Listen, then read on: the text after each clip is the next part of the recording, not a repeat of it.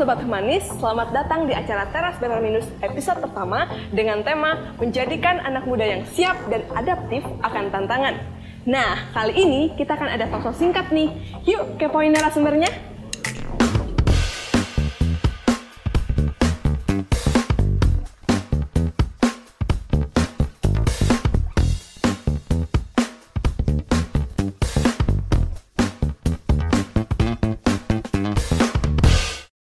Pada kesempatan kali ini kita sudah kedatangan tamu spesial kita yaitu Romo Justinus Rumanto SY dan Kak Rosalia Tatiana.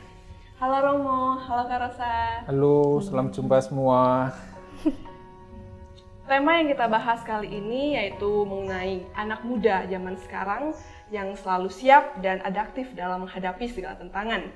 Seperti yang kita ketahui, eh, generasi milenial atau anak anak muda zaman sekarang sangat eh, memiliki perubahan atau perbedaan dibandingkan dengan eh, generasi sebelumnya.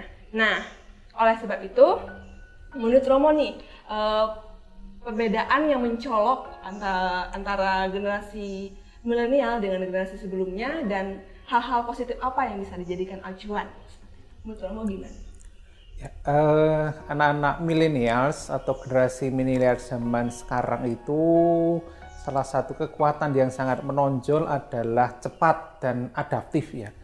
Saya ketemu dengan anak-anak muda dan kemudian berhadapan dengan pembaruan-pembaruan entah itu karena dalam dunia kerja atau dalam eh, perkembangan teknologi itu sangat cepat dan adaptif gitu. dan eh, sangat mudah menyesuaikan dengan perkembangan zaman. Oke, jadi anak muda zaman sekarang lebih adaptif ya mau.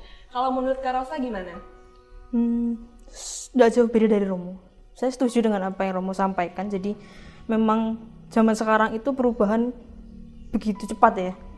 Belum belum selesai dengan satu hal kita sudah dihadapkan pada hal yang lain. Jadi kalau dibilang ada adaptif iya, karena eh, kita selalu berubah-ubah begitu. Apalagi dengan semangat anak muda sekarang, em, kita punya peluang banyak untuk mengeksplor banyak hal sehingga banyak hal pula yang kita terima dan uh, bisa kita adopsi untuk kegiatan kita sehari-hari begitu.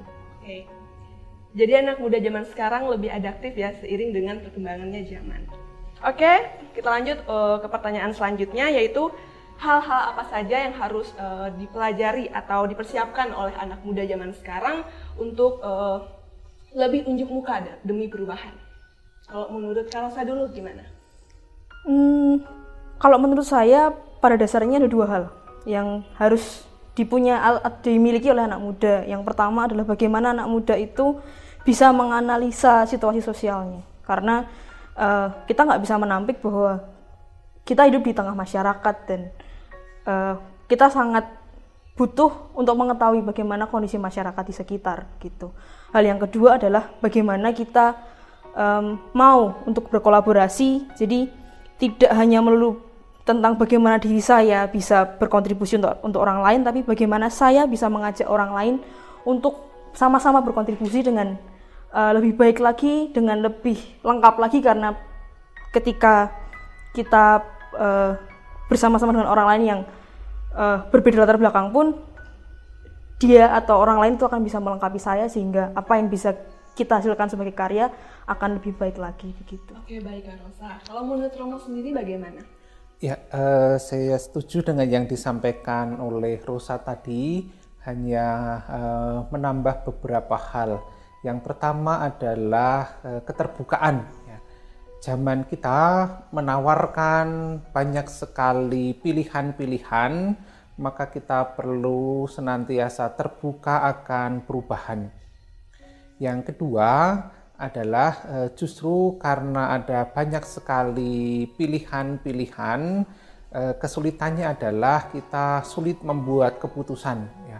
Maka eh, kita perlu untuk dengan jelas menentukan apa yang mau kita cari dan mau apa yang apa yang mau kita capai. Ya. Kemudian yang ketiga adalah senantiasa mengejar keunggulan.